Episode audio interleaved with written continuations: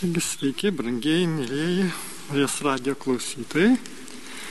Prie mikrofono kuningas Vitenis Vaškelis. Gavėnios metu prisimename išpatyje Jėzų Kristų nukryžiuotąjį, kurį nu, apaštas Paulius norėjo vienintelį tokį skelbti. Ir jis tai darė ir žodžiais, ir visų savo gyvenimu. Ir mes, viešpatė, tikrai esam tavo žaizdomis išgydyti, tavo meilė, neapsakoma malonė mus visus. Kviečia artintis prie tave su gyvu tikėjimu, pasitikinčiu tikėjimu. Šito mes ir sieksime, apmastydami. Viešpaties malonės nuostabų veikimą, kaip jis gydo, kaip jis stiprina, kaip jis mums suteikia gyvenimo įprasminimą, žiūrint net į kenčiančiųjų atvaizdus, į tuos žmonės, kurie ir dabar turi tų sunkumų, kančių, nors meldžia Dievą, kad išgytų. Išgydymo procesas tęsiasi, bėga metai ir visą tai dar vyksta laipsniškai. Net ir tokių fenomenalių dalykų pasaulyje būna. Apie tai jau buvau praėjusios laidos pabaigoje užsiminęs apie Brianą, studentą susižeidusi, apie jį vėliau. Taigi gyventi Dievo šloviai nebejotinai reiškia gyventi nukryžiuotojo Kristaus šloviai. Kristus yra Dievo atvaizdas. Jis yra žmogaus pavydalu išreikšta Dievo šlovės visuma. Jo grožis ryškiausiai spinduliavo pačią niuriausią jam valandą prisimenam ją Kalvarijos kalne.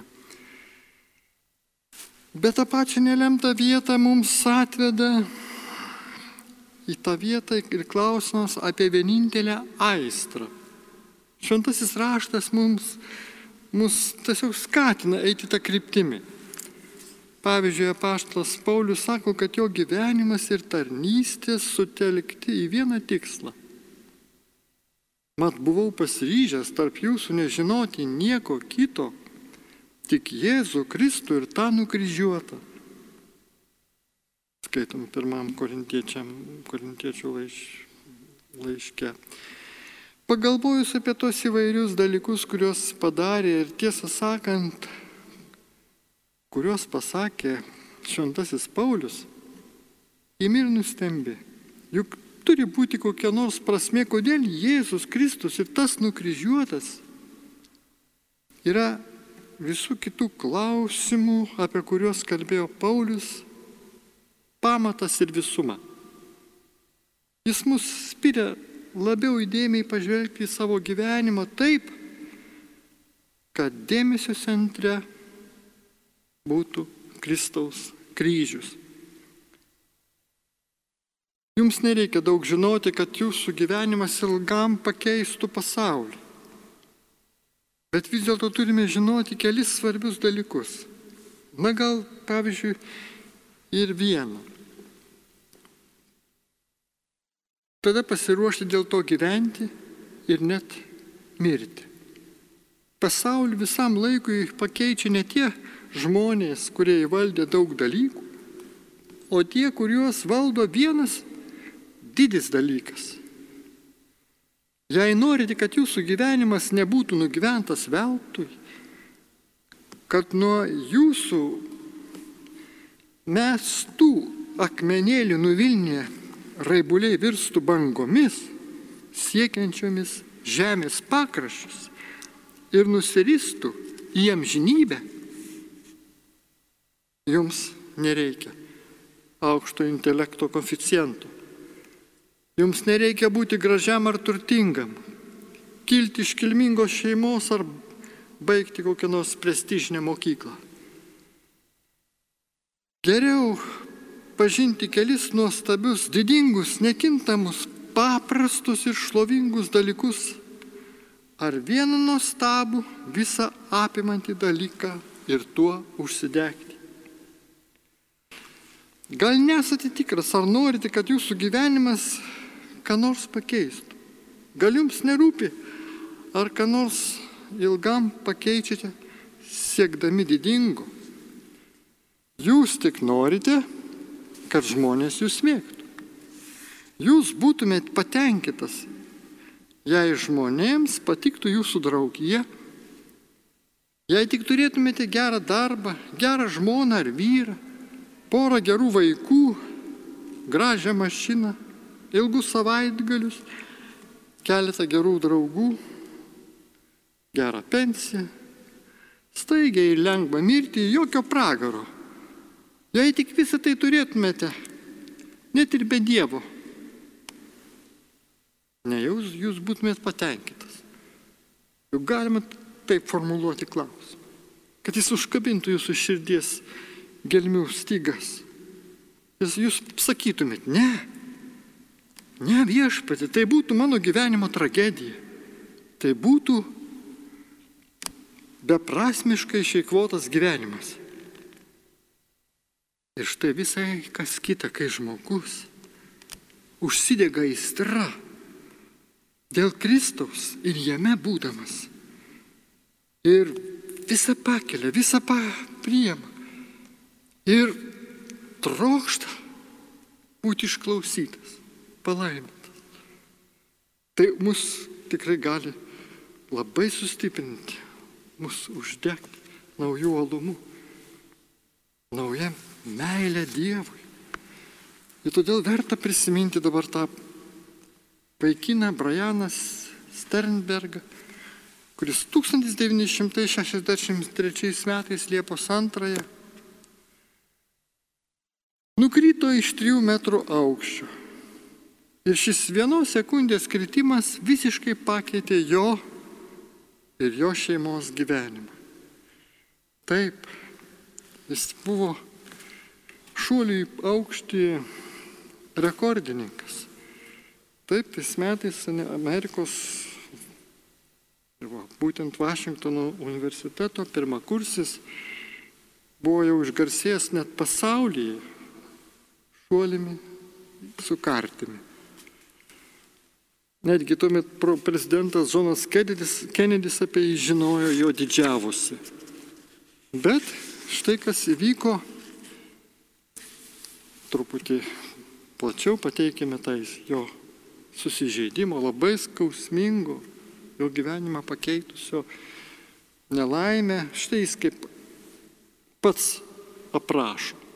Brajanas, jis liūdėjo. Pati baisiausia akimirka šokinėjant ant batuto yra atsispyrimas, kai kyli aukštyn. Ta akimirka net labiausiai patyręs gimnastas nei iš šio, nei iš to kartais patiria panikos jausmą. Kol, o jis neišnyksta tol, kol saugiai nenusileidžia ant batuto. Ir paspasakoja apie save. Kai pašokau ore, praradau orientaciją ir maniau, kad nusileisiu ant rankų ir kojų, kaip jau kelis kartus nutiko panikai užėjus. Vietoj to nusileidau ant galvos.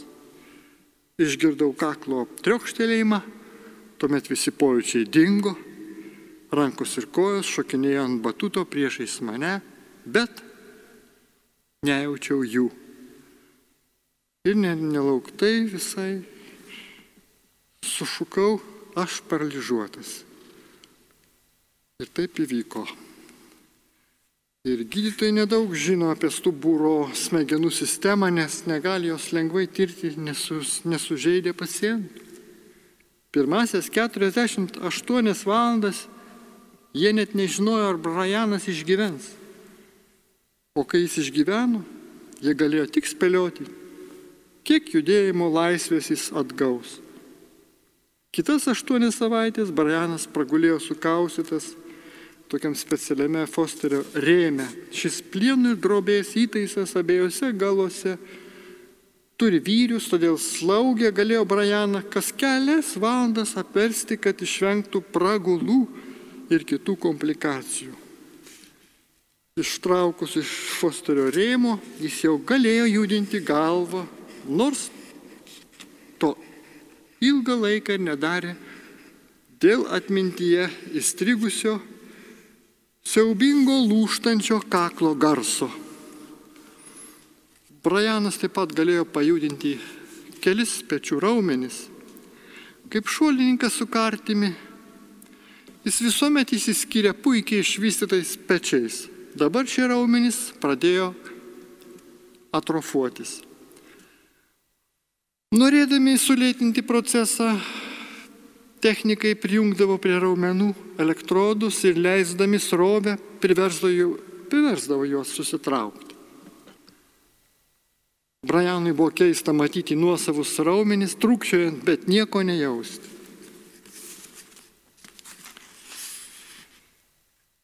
Rašytojas Filipas Jansai, kuris žinojo apie šį įvykį, susitarė su namiškiais Brajanos, matyt su mama Helena, kuri meldėsi už savo sūnų. Ir jis troško su juo susitikti. Bet prieš dar susitikdamas, tas rašytojas sužinojo, kad Bajanas, Brajanas tapo krikščionių praėjus trims mėnesiams po nelaimės. Matyt, viltis gyventi, troškimas atsiverti Dievui buvo pirmiausia jos, jo pamaldžios motinos rezultatas ir aišku Dievo ypatingas malonės veikimas. Ir jis nesudarė su Dievu tokio sandėrio. Dieve išgydink mane ir aš tavim patikėsiu. Jis turėjo patikėti Dievu, nes Dievas buvo to vertas. Brajanas žengė tą rizikingą žingsnį. Jis pradėjo melstis maldą, kuri vis dar neatsakyta. Šimtus, tūkstančius kartų jis prašė Dievo to paties. Visas gyvenimas jam primena, kad malda nebuvo atsakyta. O jo maldos buvo visokios, pilnos kartelio, maldavimo, nevilties, aistringo troškimo. Daugybė žmonių žymeldėsi. Studentai, bažnyčios nariai, sportininkų grupelės. Tie, kurie tikėdami Dievu prašė Brajanui sveikatos. Praėjus mažiau nei metams po nelaimingo atsitikimo, Brajanas žurnalo Lūk reporteriai pasakė, tikėjimas yra būtinas žingsnis dviems dalykams pasiekti. Vienas iš jų yra išgydymas. Kitas yra širdies ramybė, jei nebūčiau išgydytas, be kurio iš jų pakaks, bet kurio iš jų pakaks. Brianas mano dar ir dabar kitaip. Jam egzistuoja tik vienas variantas - visiškas išgydymas. Tai štai minėtas rašytojas Jansai buvo nuvykęs kaip tik pas Brajaną aplankyti, ėmė interviu, kalbėjusi su ponė Sternberg Helena, motina, kuri va štai liudijo. Niekas, būdamas tokios būklės kaip Brajanas, mano sunus, nevaikščiojo. Niekas. Bet mes vis dar tikime. Nežinau, kada Dievas jį išgydys. Gali būti, kad ši kova nebus laimėta šioje žemėje. Kai kurie žmonės, už kuriuos meldies, yra išgydomi, o kiti ne, ne šiame pasaulyje. Bet laiko klausimas nekeičia Dievo troškimo, kad būtume sveiki. Kūnų, protų ir dvasia. Mes nepasiduosime. Mes kaip kokie gydytojai ieškantis vaisto, mes nenustosime ieškoję. Manau, kad Dievui patinka, jog esam atkaklus. Šitokiais žodžiais bylojo Brajano motina. O rašytojas Jensei aplankęs pirmą kartą Stenbergus 1972 metais, dar nepraėjus dešimčiai metų nuo Brajano nelaimės, tada jisai matė šios šeimos šventą tikėjimo užsispyrimą ir mąstė savo, o kas bus, kai jis sutiks juos vėliau. Taip, jis buvo nuvykęs pas juos 1987 metais, praėjus dar 15 metų. Da, Brianas dabar buvo vidutinio amžiaus vyras. Fizinio išgydymo, kurio troško ir vis dar tebe trokšta, jis nes, dar nesulaukė. Jis jau pragyveno daugiau metų paralyžiuotas, nejudėdamas.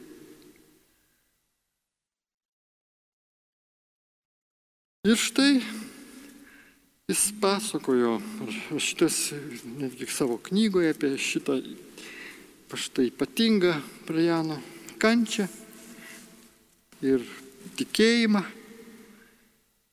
Jis rašė, geriant kavą, Sternbergai pasakojo naujienas. Metams bėgant fizinė Briano būklė šiek tiek pagerėjo. Paralyžiaus linija einanti per jo krūtinę pasislinko keliais soliais žemyn, todėl padidėjo rankų judesių amplitudė. Skausmas tapo suvaldomesnis. Į didžiumą kūnos sugrįžo pojūčiai, nors jis negalėjo judinti kojų, dabar bent jau jas juto. Dėl to beveik išnyko lytėjimo halucinacijos. Sternbergai labai stengiasi paminėti visus gerus dalykus, kurie nutiko. Vienas tikras stebuklas yra tas, pasakė Rajanas, kad nei mama Helena, nei aš nesusirgome per beveik 25 metus, kai sirgu, sirgu mes likome sveiki. Taip turime omeny čia tą jo paralyžių, tą jo nelaimę ant batuto įvykusią prieš tiek metų. Ir štai atomasga šio pasakojimo tokia. Keletą metų Stenbergai meldėsi dėl išgydymo tarnystės, kurie apimtų platesnį lygos pobūdį. Geriausiai viena tarnystė atsirado kas mėnesinis sekmadienio vakaro maldos tarnavimas prasidėjo vienoje Sietlo, Amerikoje, bažnyčioje. Čia žmonės su skauduliais ir poreikiais yra kviečiami ateiti į priekį ir praleisti keletą tylių minučių maldoje su dvasininku, o visi nukreipia savo maldas į to asmens poreikius. Ši patirtis nepaprastai paskatino visą bažnyčią veikti kartu ir išplyto toli už Sietlo ribų. 1976 metais Brianas vos nemirė. Į jo trapius plaučius įsimetė uždegimas, o ligoninėje jis pasigavo stafilokoko infekciją. Jis išgulėjo komoje dvi savaitės ir patyrė du širdies infarktus. Gydytojai montavo širdies stimulatorių, bet daugiau nei du mėnesius Brianas merdėjo. Ilgą laiką jis negalėjo kalbėti, taip pat šiek tiek susilpnėjo trumpalaikė atmintis. Bet šį kartą į išgydymo maldas buvo atsakyta. Brianas galiausiai atgavo visus gebėjimus, išskyrus prarastus dėl nugaros smegenų traumos.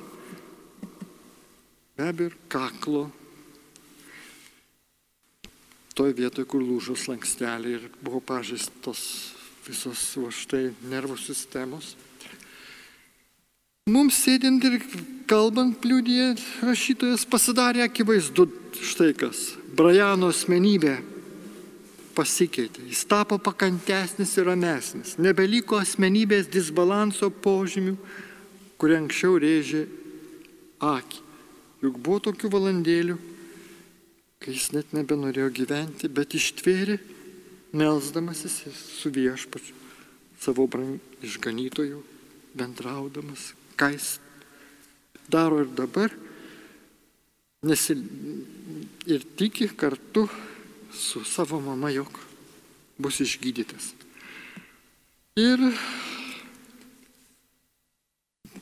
klausydamas Steinbergų suvokiau rašo Jensiai, kad pamažu vyko lėtas, laipsniškas stebuklas, kurio jie galėjo nepastebėti. Traumuojantis nelaimingas atsitikimas, kuris galėtų suskaldyti daugumą šeimų, juos tik suartino. Jie atsisakė lengvesnio kelio patalpinti Brianą slaugos namuose ar reabilitacijos ligoninėje. Daugiau nei du dešimtmečius jie nesavanaudiškai mylėjo savo sūnų ir dabar jį stebint buvo akivaizdu, kad jų meilė neliko be vaisių. Prieš jų pačių valias Sternbergai visi iki vieno susitaikė su kančia. Polo turnyje yra pasakęs, kad krikščioniškas gyvenimas primena akrobatinį numerį ant trapecijos. Galite kiek tik norite ilgai suptis ant skersinio, mankštindami raumenis. Bet jei norite tobulėti, turite surizikuoti. Turite paleisti skersinį žinodami, kad po jumis nieko nėra ir siekti kito trapecijos skersinio. Brajanui šis palyginimas būtų patikęs.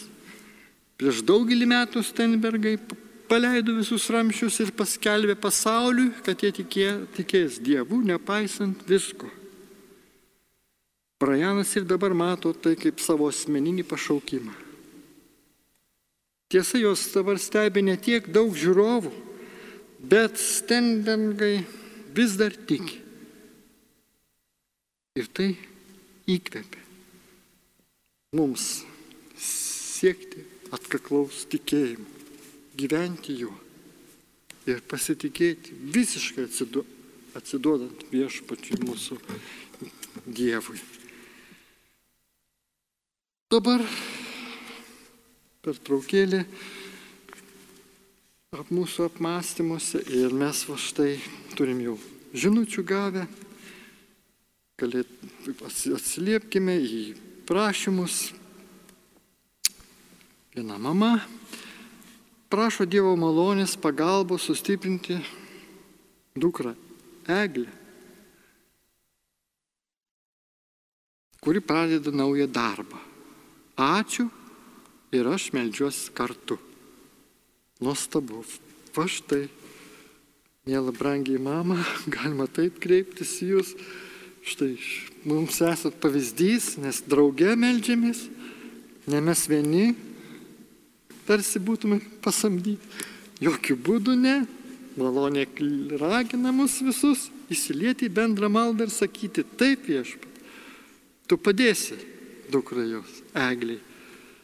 Pradėdama naują darbą, tarsi nauji įspūdžiai, nauji žmonės, naujas atsiverčia gyvenimas ir jai pačiai egliai pasitikint tavimi.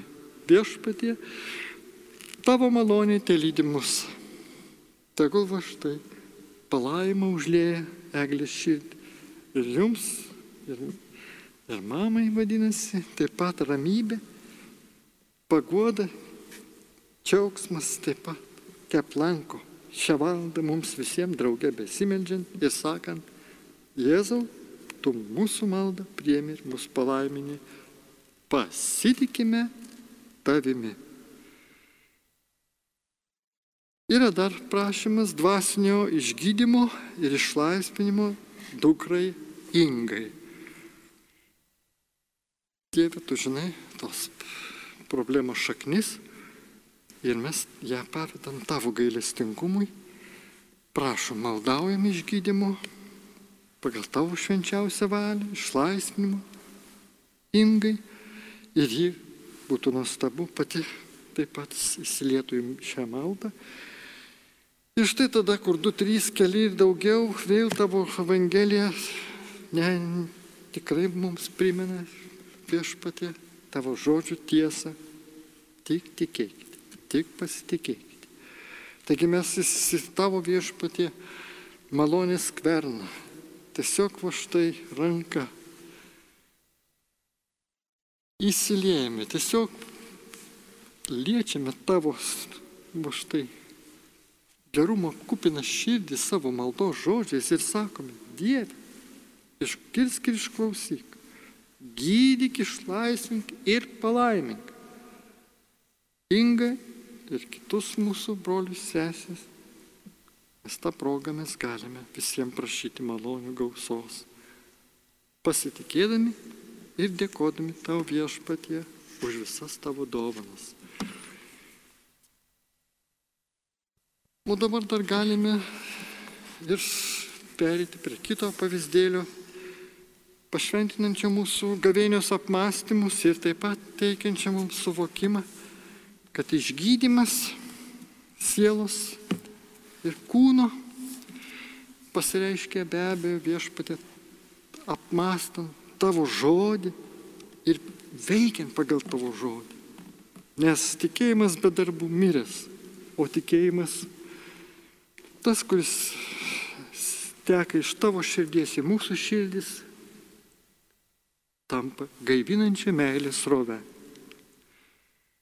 2000 metų balandį Kamerūne, vakarų Afrikoje, žuvo Rubi Elaisont, Rubi Eleson tariama, ir Laura Edwards.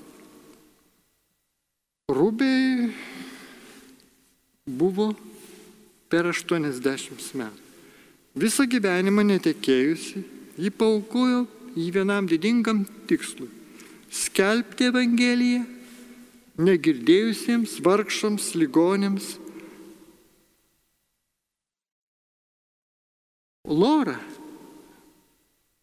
našlė gydytoja einantį 80-osius tarnavo Rubės pašonėje Kamerūne. Ir štai, nesuveikė stabdžiai, mašina norėdėjo nuo skardžių ir jos abie akimirksnių žuvo.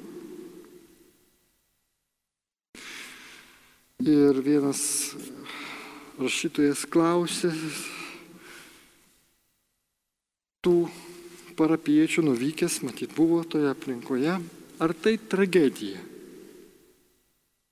Du gyvenimai varomi vienos nuostabios aistros būti panaudotoms nereklamuojamoje tarnystėje žūstantiems vargšams Jėzaus Kristaus šloviai. Praėjus net dviem dešimtmečiams po to, kai dauguma amerikiečių kolegų pasitraukė savo gyvenimu eikvoti mažmožėms. Taip buvo tuo metu tokia padėtis. Ne, atsakė tie parapiečiai. Tai ne tragedija, tai šlovė. Šie du gyvenimai nebuvo prarasti.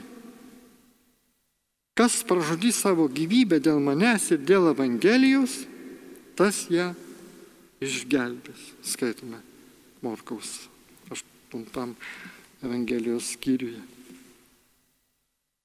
Bet mes išgirskime ir kitą istoriją, kas iš tiesų yra tragedija. Panagrinėkime 1998 m. vasario numerio lyderis Daigės aprašyta istorija apie vieną porą sutoktinių, kurie prieš penkerius metus,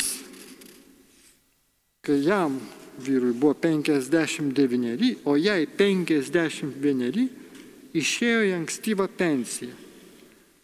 Dabar jie gyvena Punta Gordoje, Floridoje, kur plaukioja savo 30 pėdų jachtą žaidžia mažai beisbolą ir renka kreuklius.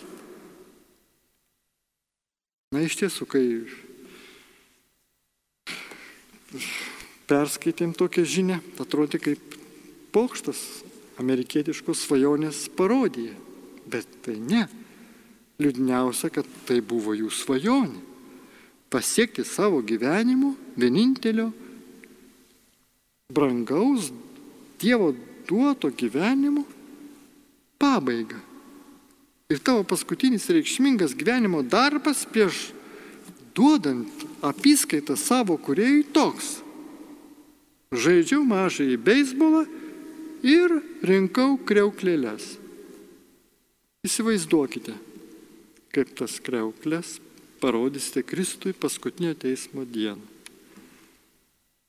Žiūrėk viešpatė, pažiūrėk į mano kreuklės. Va štai čia tragedija. Deja, šiandien išleidžiama milijardai dolerių ir eurų siekiant įtikti, įtikinti jūs patikėti tokią tragišką svajonę. Ne, mes tikinti šito nedarome. Ne, tai ne, ne, neįkvojam savo gyvenimą. Mes jį renkam su Kristumi. Nes mūsų viešpas sukūrė savo šlovį. Todėl atsiliepdami jo didžią meilę, mes pašaukti jį aukštinti. Mes trokštame, kad Dievo pažinimas ir gerėjimasis Dievu pavirsto įstringų mūsų gyvenimo pomėgių. Net tada, kada yra sunku, kada atrodo gyvenimas aukštien kojom virsta, kaip girdėjom Brajano gyvenimo atžvilgiu. Tokia gyvenimo vizija studentams ir jauniems suaugusiems daug naudingesnė nei paprastos sėkmės tuštybė ar lėbavimas, pavyzdžiui, per atostogas. Taip, ta vizija tegul apima ne vien tik kūną, bet svarbiausia sielą. Ne vien sielą, bet ir sielos aistrą, troškimą. Troš, čia trokštama kažko be galo didingo, gražaus, brangaus ir to, kas teikia pasitenkinimą Dievo vardo ir jo šlovės. Tavo vardą minėti ir tavo mokymų laikytis. Vakas te būna vienintelis mūsų troškimas, mūsų vizija, mūsų svajonė. Mes esame tam, kad per Jėzų Kristų skleistume aistringą norą, kad visur visų tautų džiaugsmų viešpatautų Dievas. Ir pradedam nuo savęs, savo aplinkoje, savo šeimoje. Skelbiam viešpati ne tiek žodžiai savo kantrybę, savo paprastumu, nuolankumu. Ir ypač ištverme, kaip tenka pakelti tos išbandymus, tos sunkumus kurie mums nėra tokie ne, nepakeliami, kaip atrodo iš pirmo žvilgsnio. Taigi tik pažvelgime į tuos, kurie tiek daug patyrė vargų, kurie, kurių vienintelė aistra gyventi dėl Kristaus, o visa kita laikyti sąšlavomis. O būtent taip papaštas Paulius ir tas, kuris nenorėjo nieko žinoti kito, kaip tik Jėzų ir tą nukryžiuotai elgesį. Niekas nebuvo taip pasidavęs savo gyvenimo vizijai kaip papaštas Paulius. Jis išreiškė ją pačiais įvairiausiais būdais. Jis galėjo pasakyti mūsų pačių dvasiniam sustiprinimui. Bet aš per daug nebranginu savo gyvybės. Svarbu, kad tik baigčiau savo bėgimą ir įvykdyčiau tarnystę, kurią esu gavęs iš viešpatės Jėzaus - paliudyti Dievo malonės Evangeliją. O dar pašt Paulius štai taip sakė, bet tą pirmenybę aš dėl Kristaus palaikiau nuostoliu. O taip, aš iš tikrųjų visą laikau nuostoliu palyginti su Kristaus Jėzaus mano viešpaties pažinimo didybė. Dėl jo šyžausi visko netekti ir viską laikau sąšlavomis, kad tik laimėčiau Kristų. Svarbu tik viena. Pažinti Kristų, laimėti jį, o visą kitą palyginti su tuo yra sąšlavus. Tai labai stipri mintis mūsų hedonistiniam gyvenimui. Kai tiek daug, kaip pamogų, pramogų, malonumų, industrija klesti ir vilioja krikščionis nuo Kristaus atitraukti. Laikykime tiesos kelio. Ir klauskime, kokia mūsų vienintelė gyvenimo aistra, kuri visą kitą palyginus su ją paverčia sąšlavomis. O kad Dievas padėtų mums pažadinti kiekvienam iš mūsų vienintelę aistrą, tai vieninteliai nuostabiai tikroviai ir jį paleistų jūs nuo, pa, nuo pasa, pasaito, išlaisvintų nuo menkų svajonių ir nusiųstų jūs mus Kristaus šloviai į visas pasaulietinio gyvenimo sritis. Į visas žemės tautas. Net ir šitaip galim drąsiai sakyti. Ir tebūnė, besibaigiant laidai, dar viena malda. Jėvui, Jėvai Tomui išgymo malonės serga virusu. Romui taip pat išgymo malonės. Pasimelsti už, prašau, už mamų sergančią mamą, o brolius serga psichinė lyga, labai dėkoja. Apsaugos nuo piktojo gediminui dėkoja močiutė. Ir dar prašau užtarimo maldos už Juozą labai sunkiai sergantį, dešimt parų komoje po širdies lygos. Visos tos mūsų intencijos, draugė, Jėzau Kristau, tau atnešamos ir sakome, pasitikim tavimi, atsiduodam tau ir žinome, kad tu mūsų atsakai mūsų bendrą maldą, nes mes ne vieni, mūsų daug ir mes esam pakėlę savo širdies vėliavas į tave viešpatę nukreipę. Mes sakom, pasitikim tavimi, išklausai šit mūsų maldas, šios brangiosios, kuriuos paminėjom, laiminį ir dėkojam tau, ačiū tau už viską tariam. Ir baigdamas laiką, laidą, tariu ir jums, brangieji, sudėv, kalbėjo kunigas Vitenis Vaškelis.